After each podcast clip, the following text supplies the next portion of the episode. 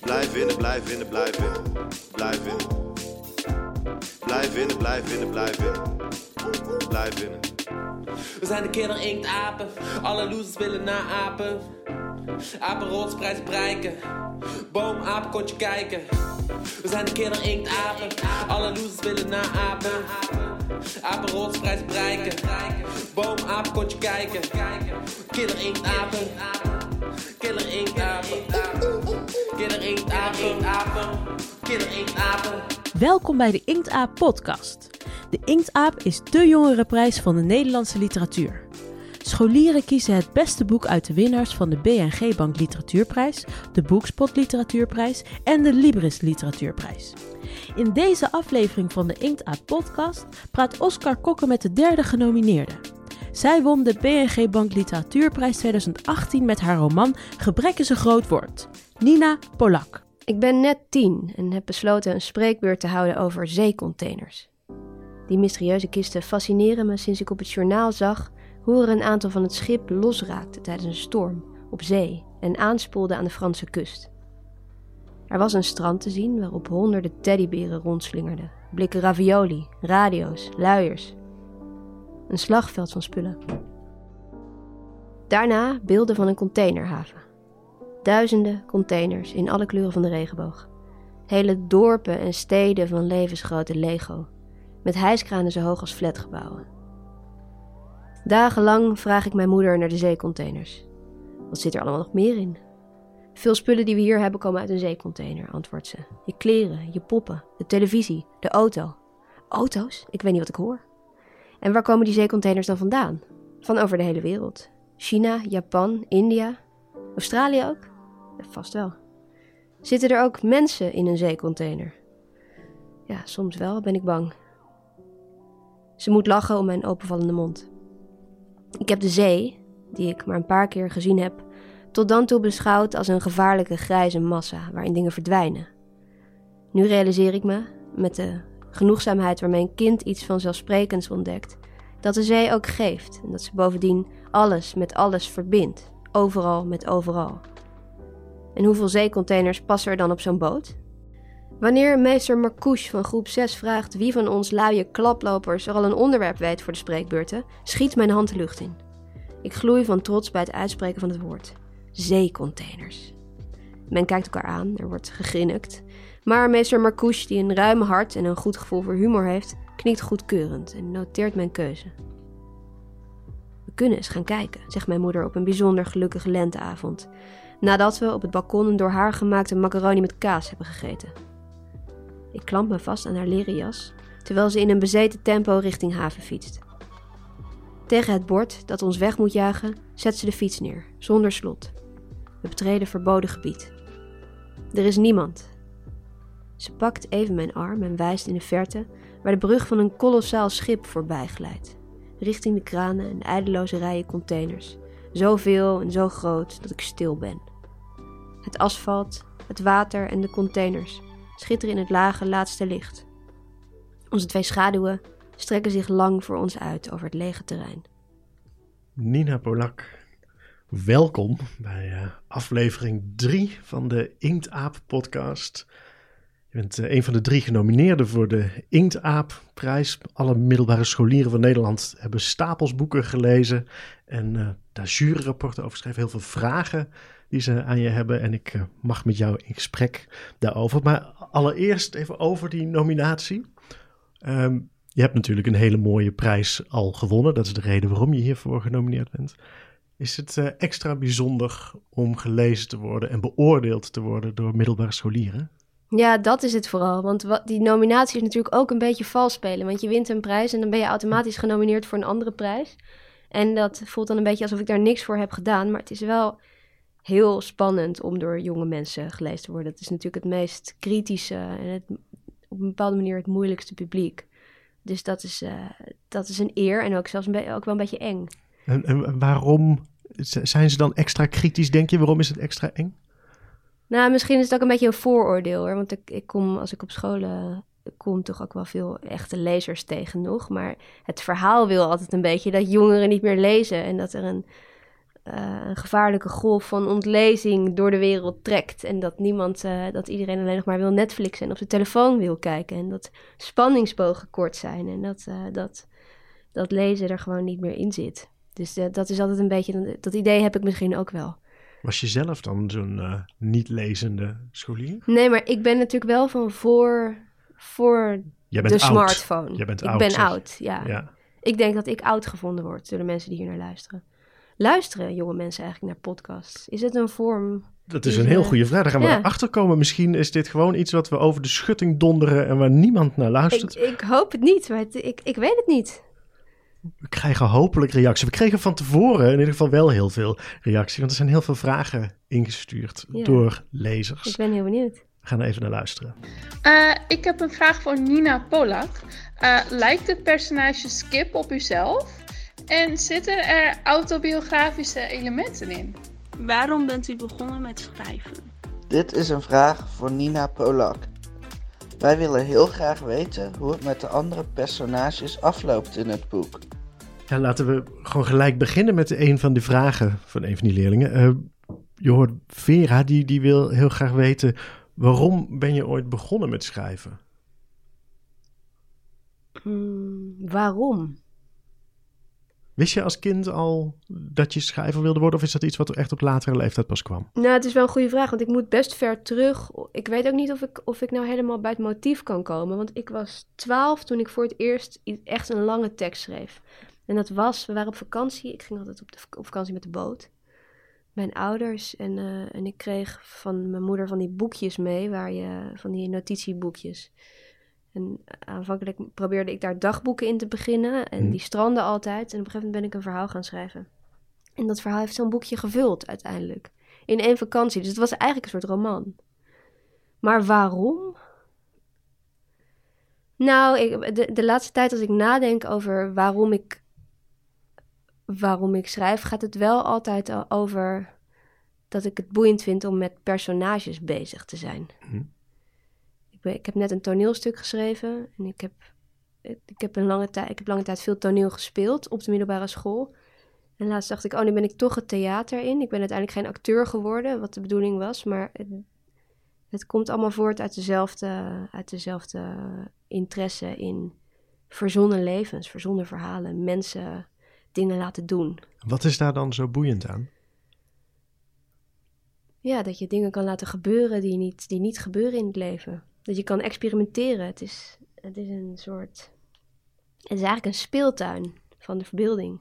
Is het ook oefenen voor het echte leven? Misschien aanvankelijk wel. Misschien was dat wel met die eerste die boeken die ik schreef. Want ik heb op mijn zeventiende ook nog een keer eh, een roman geschreven. Eh, Dat was meer een, eh, een tekst waarin ik, waarin ik dingen een plek moest geven. Dus het was niet zozeer oefenen, maar wel nadenken over de dingen. Gestructureerd nadenken. Ja. Ja. En dat gaat dan op papier toch makkelijker dan bijvoorbeeld in bed liggend, starend naar het plafond. Ja, want eh starend naar het plafond kom je maar tot zover. Dat is ook altijd. Je kunt een hoop bedenken, maar je, je, uiteindelijk, uiteindelijk zul je moeten beginnen met schrijven. Hm. Want dan gebeurt het pas echt.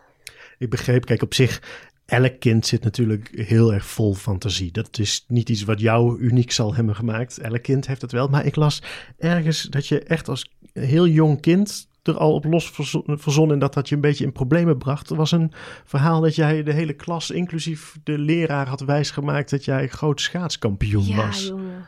Ja. Daar ben ik ook wel helemaal mee opgehouden, want je hebt helemaal gelijk. Ik vraag me af waar je dat gelezen hebt, maar ik heb het waarschijnlijk wel eens ergens verteld. Ja, ik, ik loog wel veel. En dan met name over dingen waar ik, waarmee ik indruk kon maken op mijn klasgenoten. En dat schaatsverhaal is inderdaad misschien wel de, de meest schrijnende eh, leugen geweest. Want wat deed je? Nou, er waren, er waren van die kringgesprekken, weet je wel. Eh, dan ging je op maandag ging je vertellen wat je in het weekend had gedaan.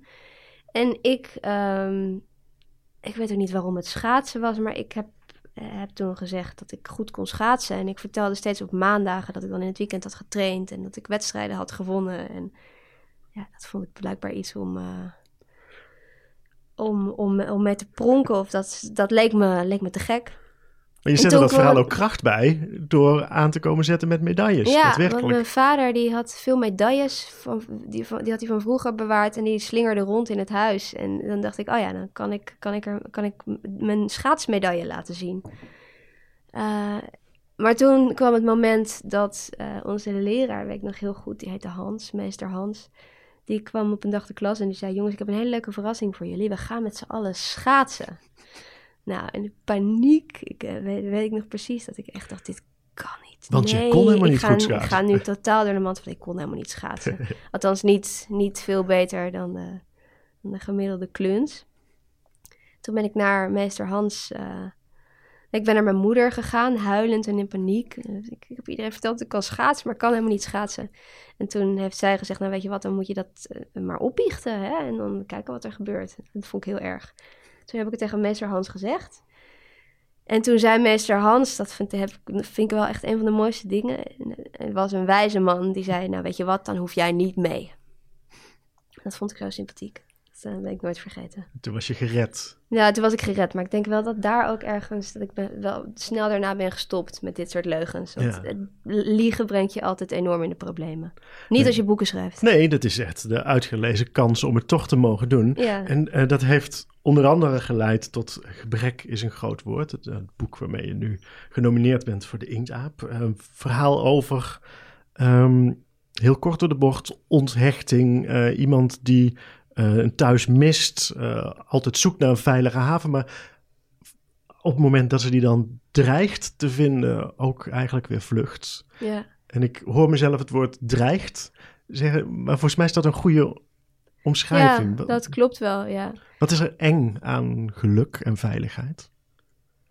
Nou, voor hier, zij is een persoon, Skip, die dat niet zo gewend is. Hè? Dus die ook, ook wel uit een soort onthecht situatie komt. Dus in zekere zin is, is te veel veiligheid voelt onveilig voor haar, want Mhm. dat kent ze niet.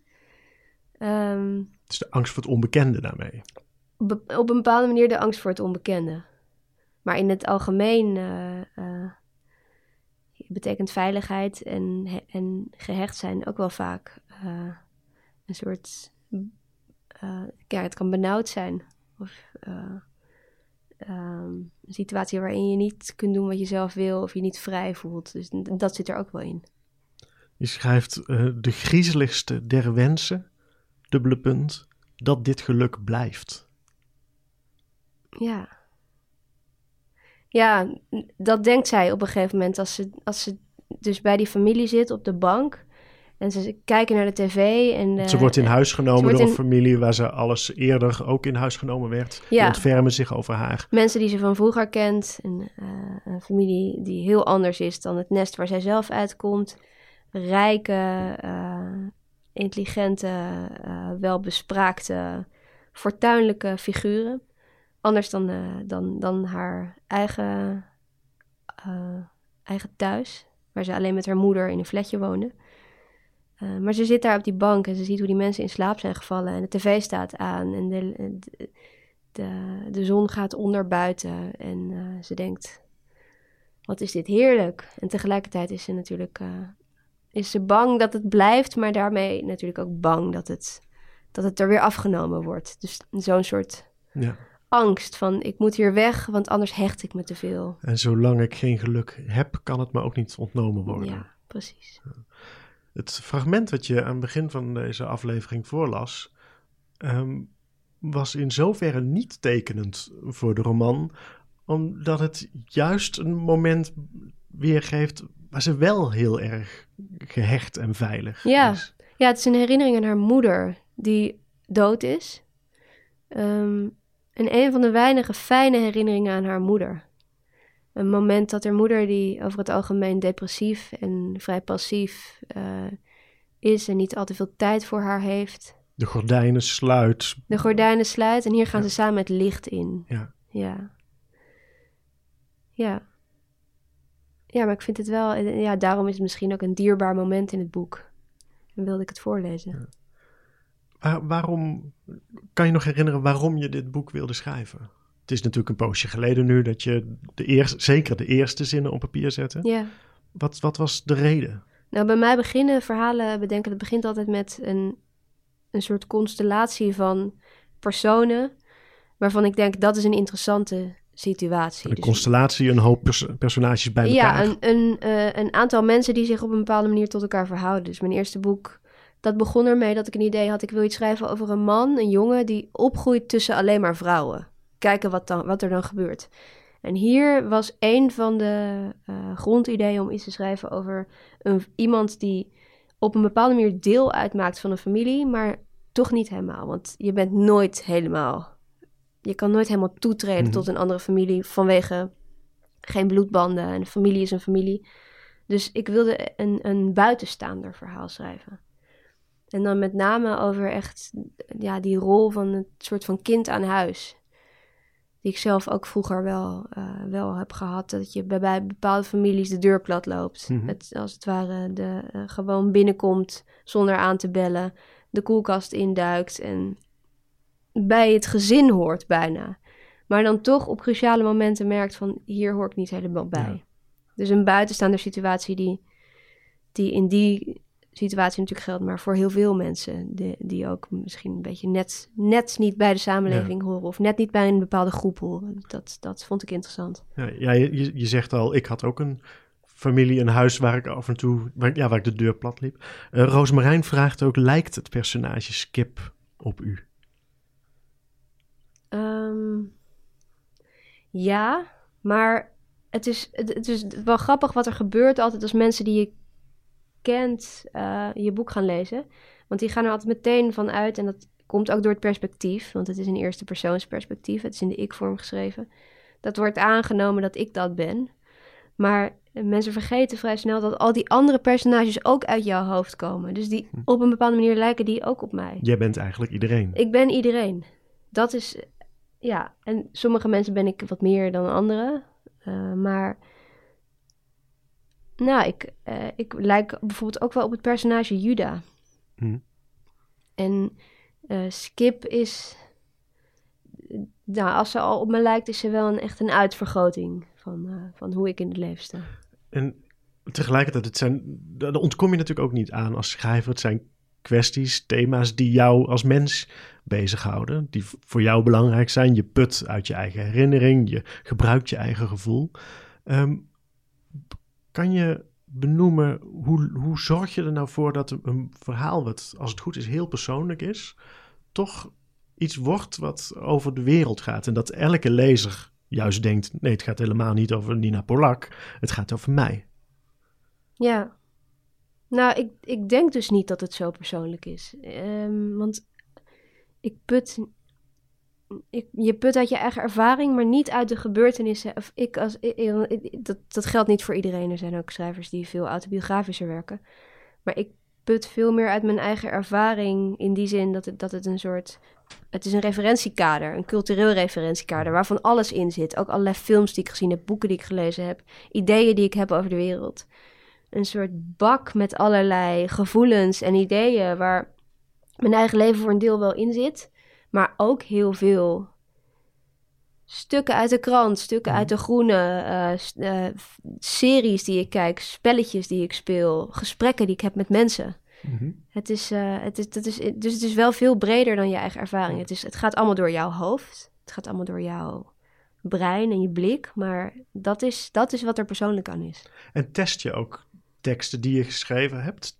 Laat je die voordat het gepubliceerd wordt nog lezen door? Ja, ik heb altijd een paar meelezers. Ja, dat is wel heel goed. Ik heb een redacteur natuurlijk, die, die leest het als eerste. Ook vrij laat. Dus ik wil, daar eerst, ik wil daar eerst gewoon een half jaar zelf mee zijn. Mhm. En dan geef ik het op een gegeven moment uit handen. Dat is heel spannend. Dan gaat zo iemand het lezen. En dan heb ik vaak in een later stadium ook nog mensen die het hele, de hele eerste versie dan lezen. Ja. Ja. Je zei net, ik haal het uit krantenberichten, ik haal het uit eh, films die ik ooit gezien heb. Want Levi wil graag weten hoe je aan inspiratie komt. Kan je een paar dingen noemen waarvan je denkt, oh, voor de goede lezer, die kan misschien herkennen dat ik dat stukje uit die film heb geleend? Of, Ehm, ja, of werkt het zo goeie niet? vraag. Daar, daar, heb ik eigenlijk... Ik heb het boek al twee jaar geleden geschreven. Ehm, misschien zijn er bij Juda wel dingen... Nou ja, die praat op een manier die misschien wel heel erg uit TED Talks komt. Mhm.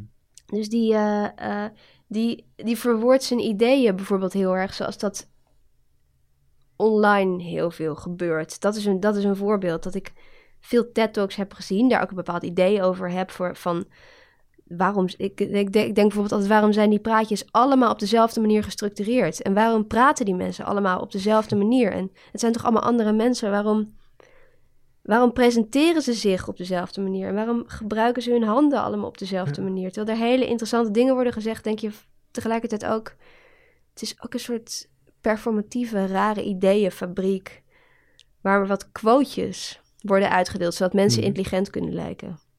En dat Juda heeft dat heel erg. Het is natuurlijk een hele slimme jongen, maar het is ook gewoon iemand die een beetje leurt met de ideeën van iemand anders. Ja.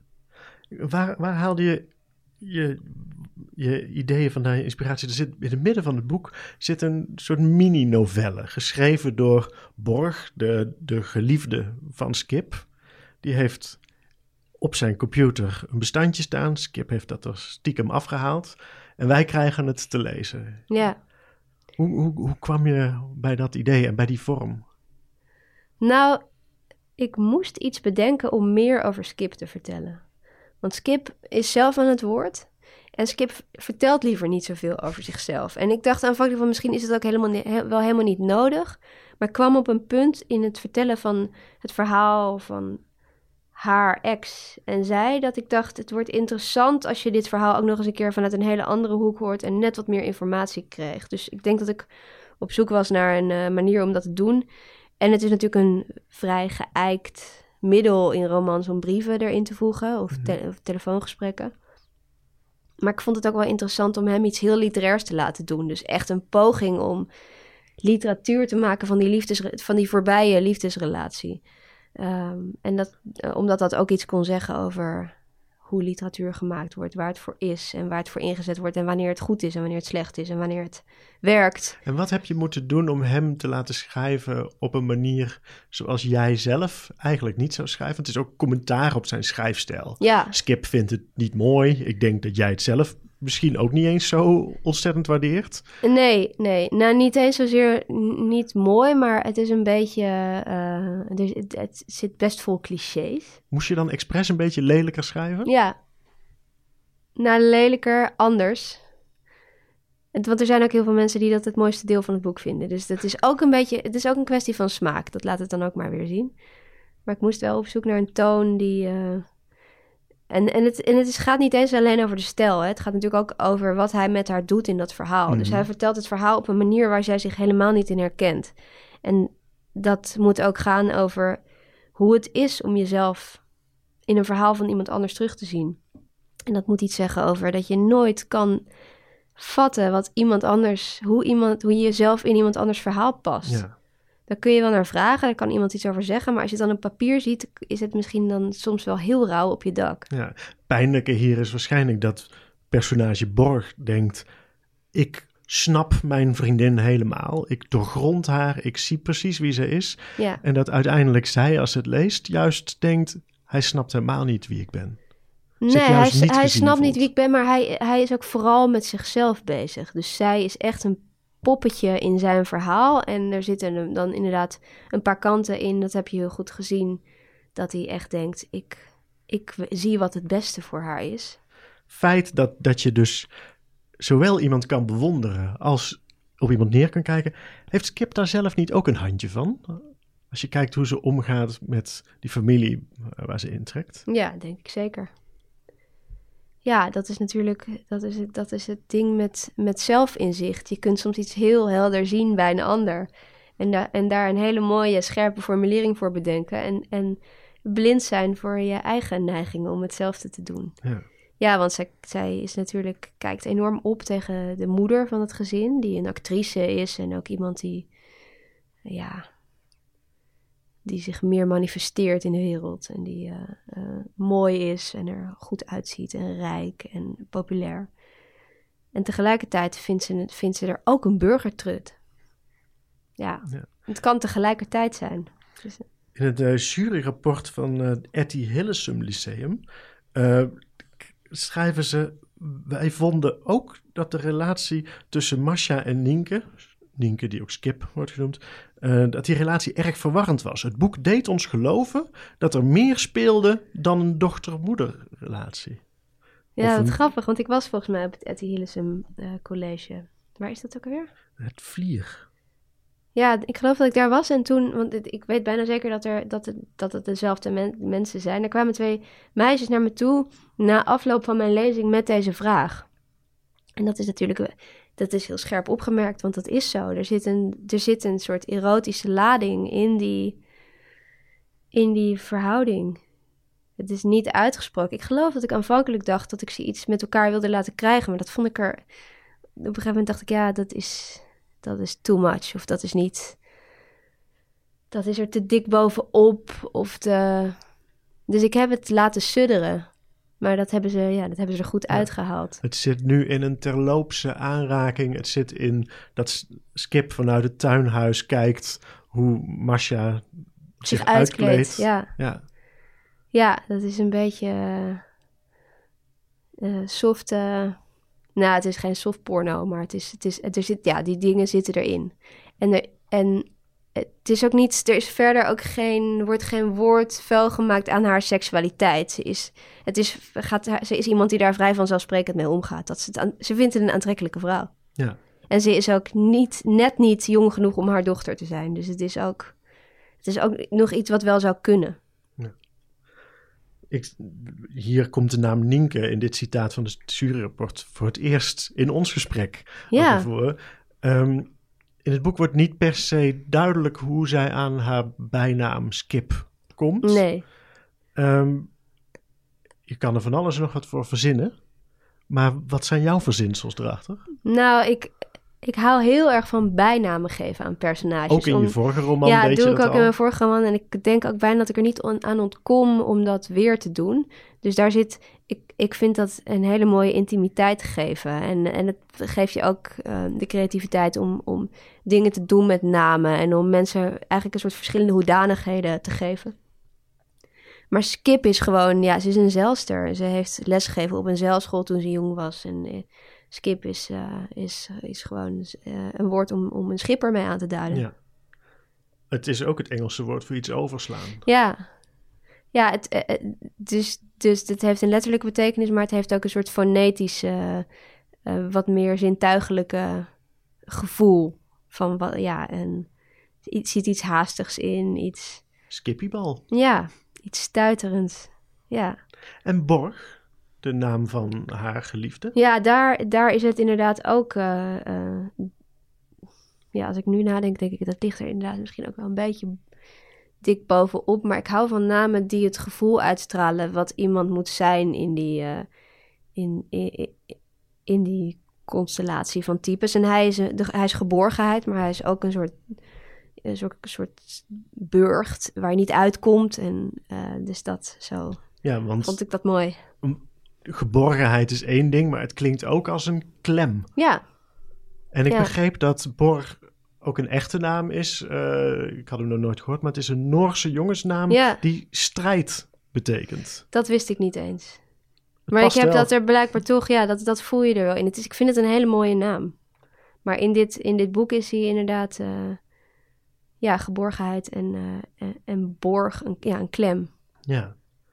Kan je vertellen, en dat is een vraag van Julia, welke scène in dit boek je het moeilijkst vond om te schrijven? Ehm goeie vraag. Nou, het begin is altijd het meeste struggle. Want ehm, in het begin ben je op zoek naar een toon die klopt. Dat klinkt altijd een beetje esoterisch als ik dit zeg. En misschien moet ik een keer een andere manier bedenken om, om dat eh, te uiten. Maar ik, ik zeg altijd, je, je moet een toon vinden of een stem vinden die je gelooft. En dat, en dat heeft niet zozeer te maken met dat het nou heel echt klinkt. Maar er moet een soort waarachtigheid uit blijken. En ook iets waarvan je denkt, ik, hier wil ik mee door. Dus dan komen er veel, eh, veel beginnen vaak. Mhm. Het viel hier eigenlijk wel mee.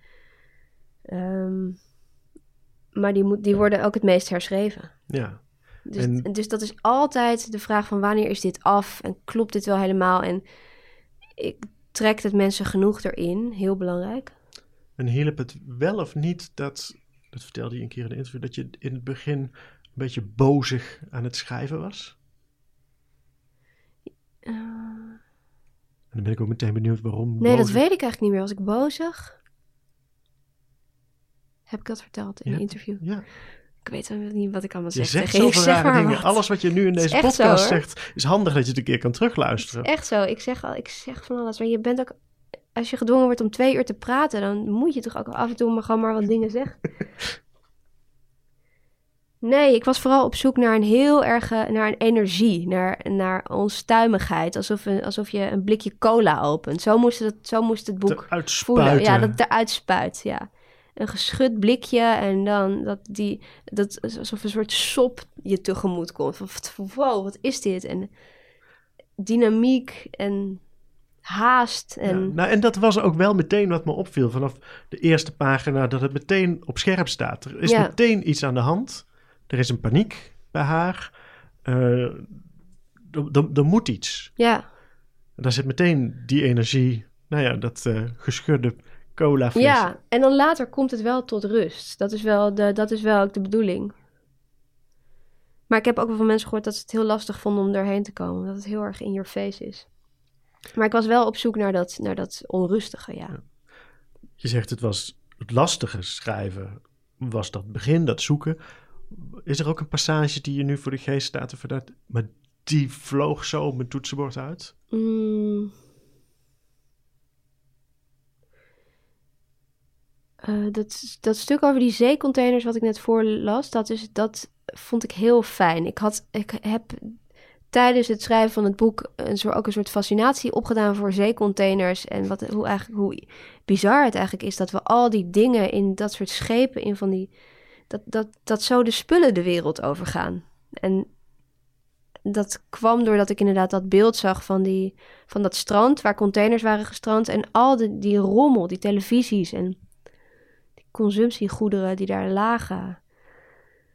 En de, ja, gewoon hoe ze een soort symbool zijn voor, voor globalisatie, die dingen. Eh, en dat schreef ik toen heel lekker. En daar, kwam, dat, ik, daar ben ik niet aan toegekomen bij het voorlezen. Maar dat was eigenlijk waarom ik het uitkoos. Er komt een moment dat zij een kind is. En eh, ehm, dat ik eigenlijk al zo ver ben met het schrijven, want ik schrijf eh, in chronologische volgorde meestal. Dat ik ook echt wel een soort gevoel heb ontwikkeld voor hoe zij zich gevoeld moet hebben als klein kind. En dan, dat rolt er dan echt wel zo uit. Want er zijn, zitten eigenlijk een aantal flashbacks in het boek. Mhm. Maar ik merkte dat ik die heel goed kon schrijven, omdat ik daar dus al heel veel over nagedacht had. We hadden het er eerder over. Ben jij Skip? Nee, zei je. Ik ben eigenlijk alle personages. Alle personages zijn je ongetwijfeld heel erg dierbaar. Ehm, en ze zijn mij ook dierbaar geworden, maar niet alleen mij. Ehm Schodig mensen Winkelig Prins en Veendam, die schrijven in hun juryrapport... We zitten na het lezen allemaal nog met één grote vraag. Wat is er gebeurd met de andere personages? Ja, dat is wel heel sympathiek dat ze dat zeggen. Dat vind ik ook heel leuk om te horen. Maar eh, zo werkt het toch niet. Nou ja, je weet van Juda dat hij achterblijft met alle mogelijkheden van de wereld. Ouders die connecties hebben bij de VPRO. En eh, ja, hij gaat gewoon zijn. zijn eh, wat, wat ging hij maken? Zijn game eh, ontwikkelen of een, of een soort of een film maken of zo. Hij gaat nou een documentaire maken over Ja. die profeet. Dat gaat hij doen, ja. Dus dat, dat, die gaat gewoon... die zit bij wijze van spreken bij de wereld draait door over een paar jaar. Toen, toen bestond dat nog. en, de, ja, en de andere personages, dat is denk ik ook wel een van de pijnlijke dingen. Dat die gewoon doorgaan met hun leventje. Dat, en zij... Ja, Skip moet weer verder. Ja. Maar mensen, ja, eh, mensen zeggen ook wel eens... Ik ik had een, we willen een vervolg of... En zo werkt het toch niet. Een boek, een boek is gewoon dat wat er staat. En niet iets anders. Het is niet... Ja, ik, ik heb ook verder niet nagedacht over die personages. Dit is het... Het, eh, het werk van A tot Z. En hier moet het in gebeuren.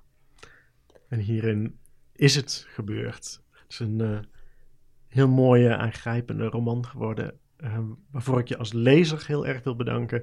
Ja, en ik wil je nu heel erg bedanken dat je hier in deze aflevering van de Inkta podcast te gast wilde zijn. Geen dank, leuk was het. We hebben alle genomineerden gesproken. Maar de grote vraag is: wie wint de Inktaap 2020? Wordt het Rob van Essen met De Goede Zoon? Tommy Wieringa met De Heilige Rita? Of Nina Polak met Gebrek is een groot woord? De winnaar wordt bekendgemaakt in de vierde en laatste aflevering van de Inktaap podcast. Beluister deze aflevering nu via Spotify of de podcast-app op je telefoon.